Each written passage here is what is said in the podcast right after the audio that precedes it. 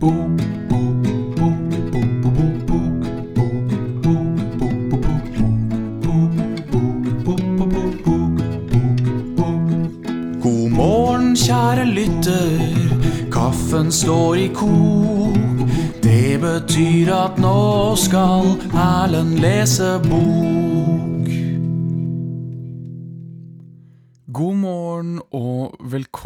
Til Erlend leser bok her på Volda studentradio.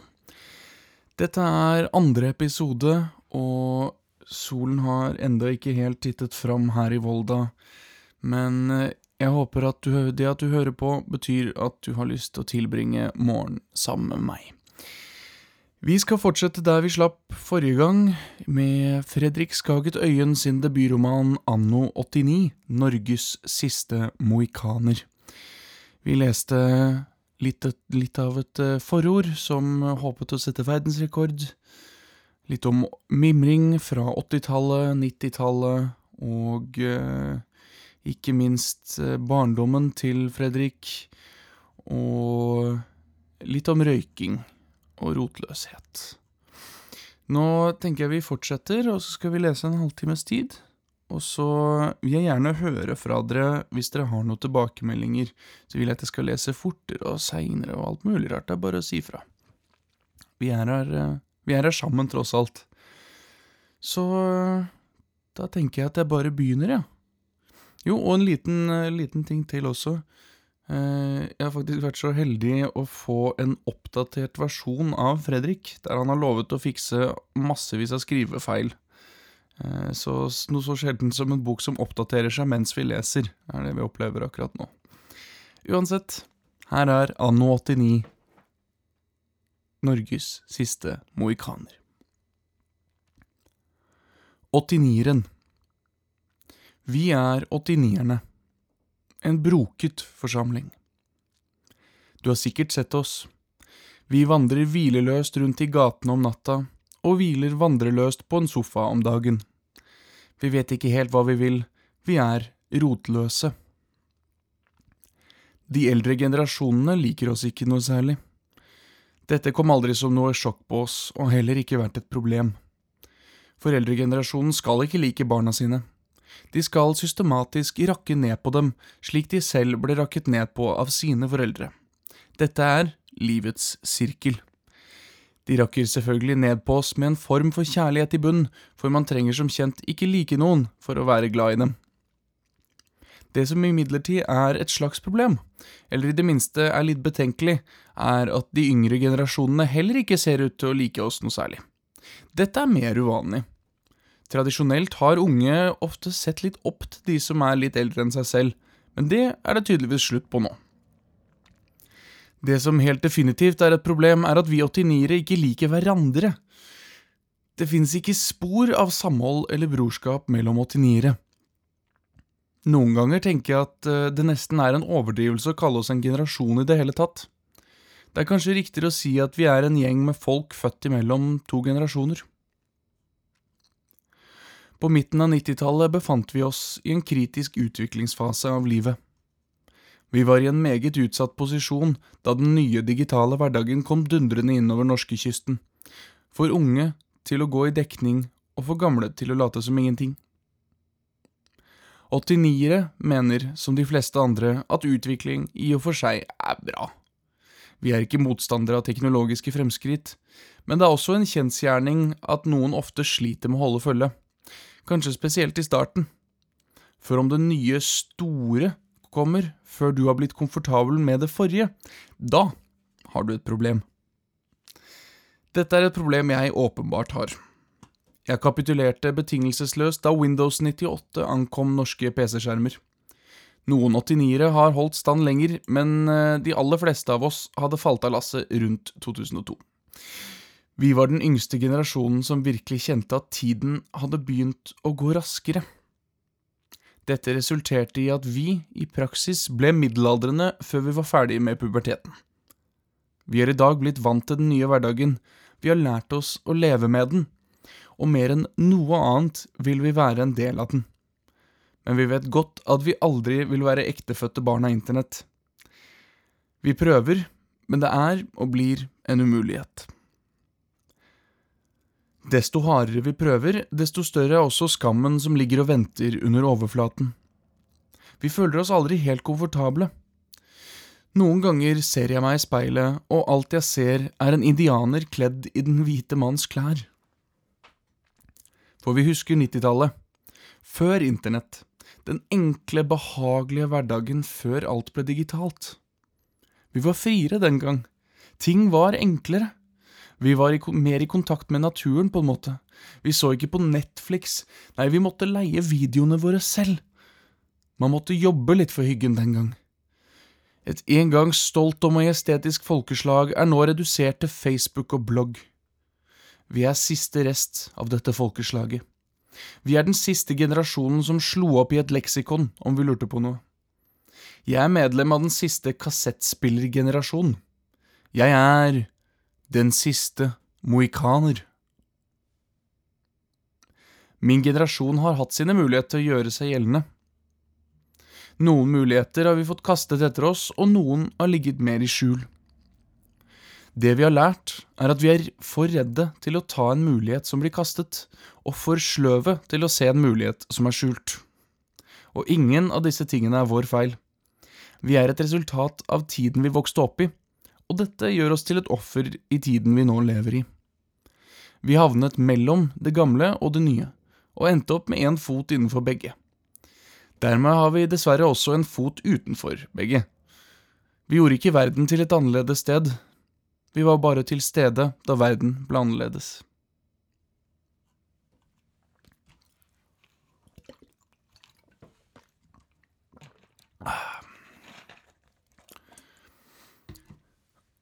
Hva vil vi ha?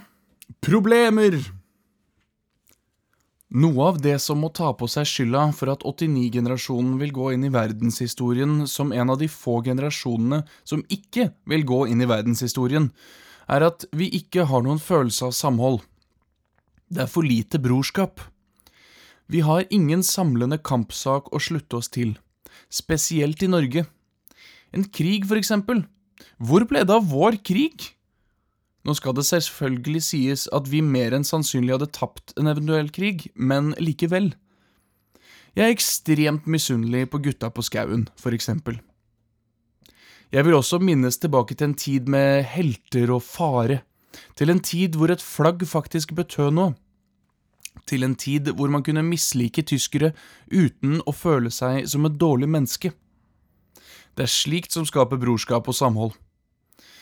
Jeg vil også sitte som 80-åring og lyve til barnebarna mine om krigens dager. En mulig løsning på dette problemet ville jo rett og slett vært å lyve om at vi har hatt en krig, men dette tror jeg ikke er den riktige veien å gå. For det første ville det vært en konstant overhengende fare for å bli gjennomskuet, og for det andre mistenker jeg at dette ville vært en relativt tom glede. Vi trenger en kampsak, en revolusjon, noe. Den berømte 69-generasjonen er et eh, litt mer moderne, moderne, eksempel. De huskes best for eh, å i sin tid stå opp mot rasisme, klasseskille, billig hasj og USAs gryende imperialisme. Dette gjorde de ved å samle seg i enorme folkemasser og høre på musikk.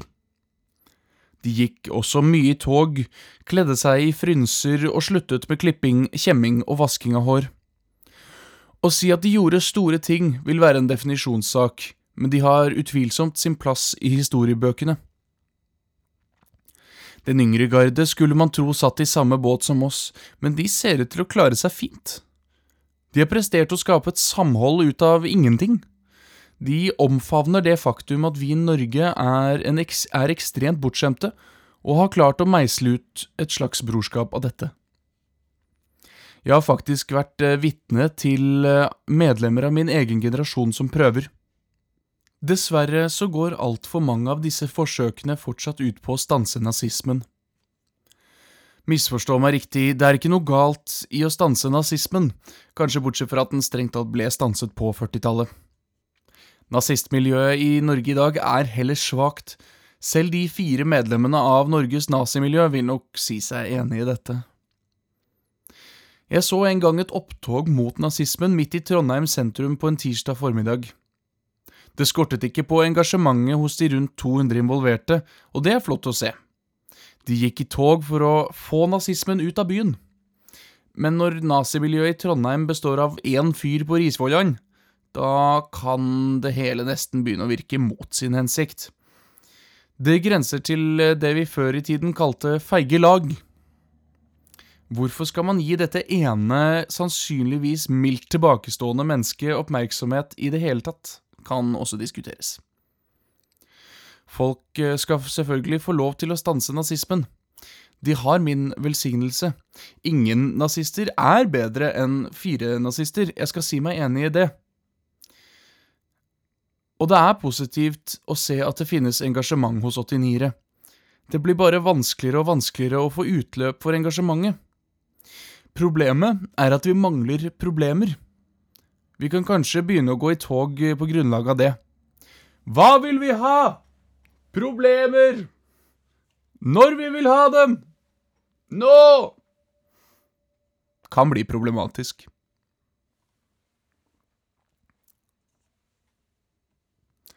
Verdens største rasshøl. Teknologisk utvikling fører ofte med seg vitenskapelige og medisinske gjennombrudd. Slike gjennombrudd har etter hvert tillatt oss mennesker å bli ekstremt mange. Vi overlever oftere enn før. Forkjølelse er gått fra å være en kaldblodig drapsmann av en sykdom til å være en kjærkommen unnskyldning for å være hjemme fra jobben. Dette byr på utfordringer. Utfordringer vi har vært klar over en stund, må jeg også legge til. For det bør presiseres at denne befolkningsveksten også pågikk før midten av 90-tallet. Vi mennesker har stort sett alltid vært flinke til å formere oss. Denne veksten har satt oss som art i en del kinkige situasjoner. Den kanskje mest påfallende kinkigheten er at vi nå truer med å utslette alt liv på jorda. Men dette er altså ikke kun et resultat av at Windows 95 ble lansert. Dette bør ikke være splitter ny informasjon for mange. Det som imidlertid er et problem forårsaket av den nye teknologien, er framveksten av sosiale medier, spesielt om man ser det i sammenheng med denne overbefolkningsproblematikken. La meg utdype. 7% av alle mennesker som noensinne har eksistert, er i live i dag. Ergo, det er 7 sjanse for at verdenshistoriens aller største rasshøl er i live i dag. 7% av alle mennesker som noensinne har eksistert, er i live i dag. Ergo, det er 7% sjanse for at verdenshistoriens aller største rasshøl er i live i dag. Dette er skummelt i seg selv. Men det er ingenting i forhold til hvor skummelt det er om man ser det i sammenheng med sosiale medier. Igjen, la meg utdype. Sosiale medier fører verden og alle i den nærmere sammen. Ergo, det er en teoretisk mulighet for at du mottar en Snapchat fra verdenshistoriens største rasshøl. Jeg vil at du tar et øyeblikk hvor du lar dette synke inn. Prøv å forestille deg hvor stort og gapende verdenshistoriens største rasshøl må være. Dette er ikke spesifikt for meg eller min generasjon, det er bare en ubeskrivelig skremmende tanke som det er viktig å tenke over. At jeg i det hele tatt kan sitte og tenke slike tanker, er nok mer spesifikt for min generasjon. Vi er kyniske misantroper som ser problemene i alt, nytt som gammelt. Nøyaktig slik gamle mennesker tradisjonelt har gjort. Vi er de nye gamle. Dette har ført med seg store eksistensielle problemer for oss. Onde tunger vil nok påstå at vi selv kanskje bør ta på oss brorparten av skylden for disse problemene men det er noe jeg simpelthen nekter å gjøre. Vi gjør som enhver ekte nordmann ville gjort, tar sats og skylder knallhardt på alle andre, på den nye tiden og på samfunnet generelt. Jeg nekter å selv ta på meg skylden for at vi har havnet mellom to generasjonelle stoler. Onde tunger skal man ikke høre på. Det sier seg selv. Dette har selvsagt ført med seg mer konkrete ulemper også. En kronisk sosial ubekvemhet. En dyp indre tomhet. Og i visse tilfeller et voldsomt, dog relativt ufarlig, raseri. Det kanskje aller mest fremtredende og problematiske dette har ført med seg, er en konstant følelse av forvirring. Det har rett og slett blitt vanskeligere å forstå verden. Jeg føler meg som en rest fra en tidligere historisk epoke. Et sliten stykke 80-talls vegg-til-vegg-teppe i en verden av fjong laminat og smakfull parkett. Vi fikk en smak av en enklere tid før vi hensynsløst ble kastet inn i et sant helvete av teknologiske nyvendinger, sosiale medier og overbefolkning.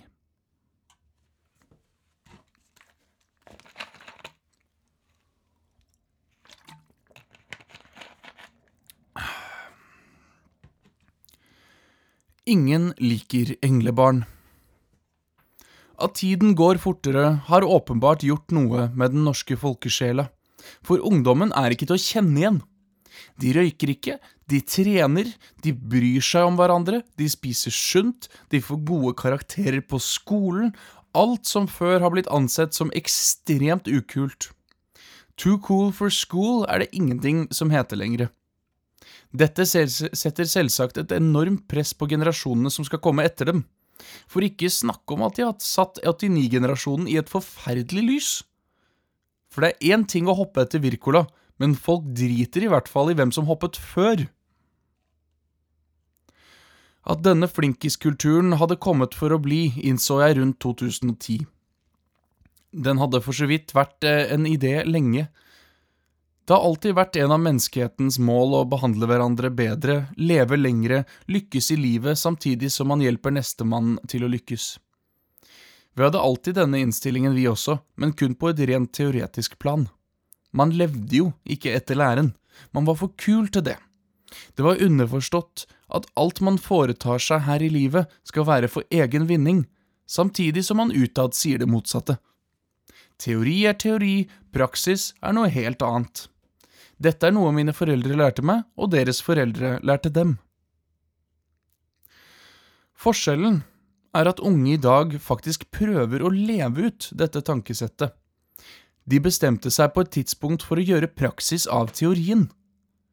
Frøet av denne forandringen i tankegang og levemåte ble plantet på midten av 90-tallet. Vi 89-ere var altfor sløve til å innse at noen form for sosial og kulturell forandring var i emning, og rundt år 2010 gikk det opp for oss at noe var på ferde. Da var det allerede for sent. For eh, det å bli en del av denne revolusjonerende sosiale bølgen er vanskeligere enn man skulle tro. Jeg var i 2010 teknisk sett blitt voksen. Samfunnet så nok på meg som en rotløs ungdom fortsatt, men jeg følte meg voksen i hvert fall voksen nok til å føle at jeg hadde funnet et sett med verdier som var verdt å leve etter. Disse verdiene besto i aller høyeste grad av mine foreldres verdier, men med små, nesten ubetydelige forandringer her og der. Disse forandringene var rent symbolske, for å sette litt distanse mellom meg selv og den eldre guide. Man må jo opprettholde illusjonen om fremskritt. Denne formen for hykleri har alltid vært sett på som en viktig del av å bli voksen. Man sier nøyaktig det samme som de som kom før, bare litt annerledes. Den plutselige utviklingen som i senere tid har skjedd, kom fullstendig overraskende på meg. Da jeg innså at norsk kultur sto ovenfor et veiskille, måtte jeg gjøre et valg. Skulle jeg A bli en del av denne nye folkebevegelsen, begynn å trene, spise sunt, slutte å røyke, oppføre meg ordentlig, ta skolegang seriøst og generelt skjerpe meg som menneske, eller B. gjøre som jeg alltid har gjort. Si at jeg skal begynne å trene, spise sunt, slutte å røyke, oppføre meg ordentlig, ta skolegang seriøst og generelt skjerpe meg som menneske, uten å ha noen seriøse ambisjoner om å faktisk gjennomføre det. Valg A er på mange måter det riktige. Valg B er utvilsomt det enkleste. Og gitt 89-erens ubesluttsomme natur valgte jeg, som mange andre i min generasjon, alternativ C, ingen av delene. Noen 89-ere valgte begge av delene, noe som går for akkurat det samme, da begge medfører at man blir fullstendig passiv. Det skal faen ikke være enkelt. Det er få fordeler med å være helt passiv. Man blir bare stående og se livet danse forbi seg.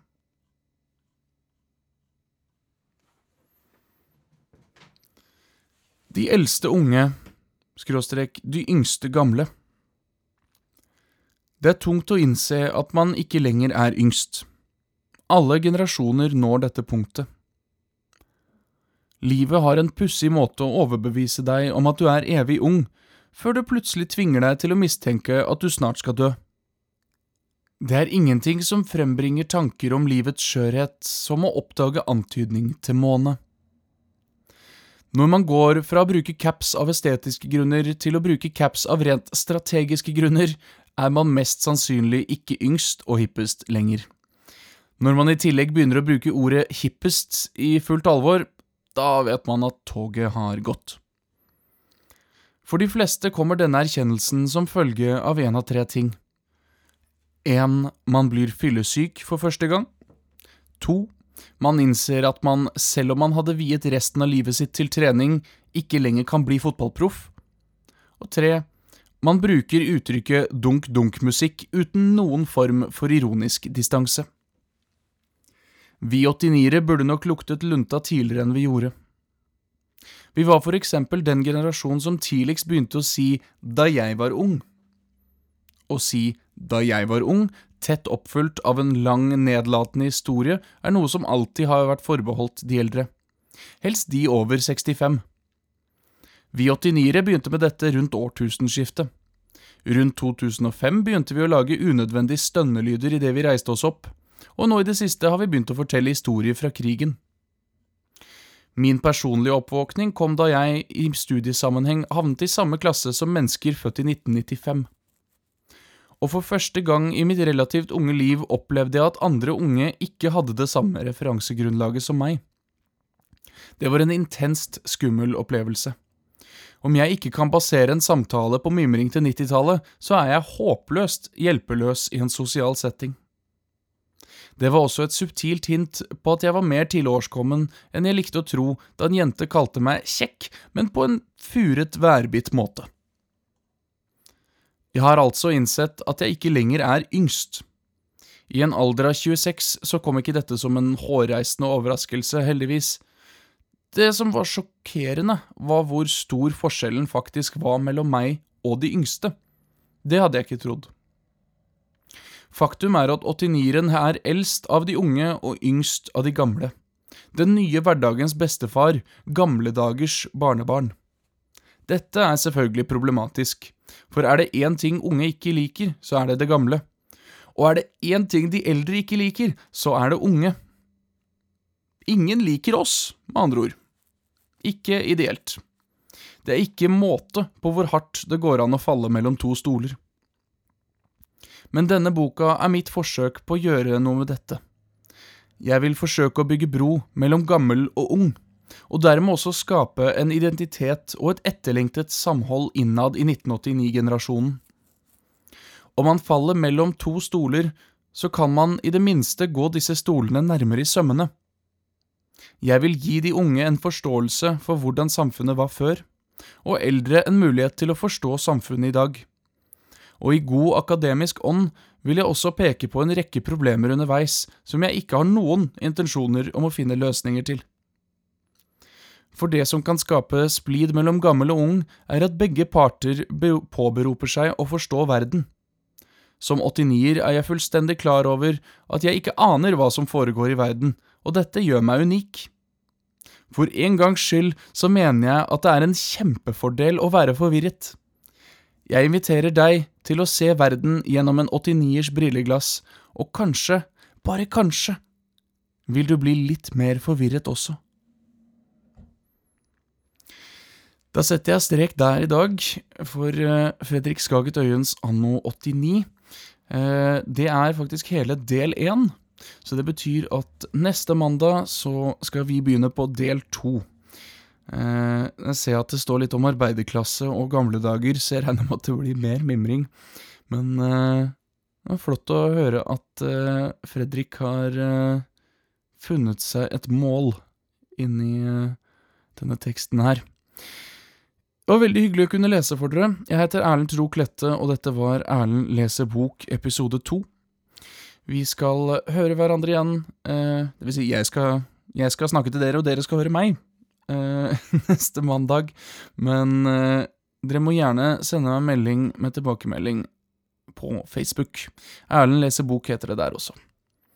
Ok, da setter jeg på litt musikk, så får resten av dere ha en god morgen, god dag, god uke, og så høres vi igjen neste gang.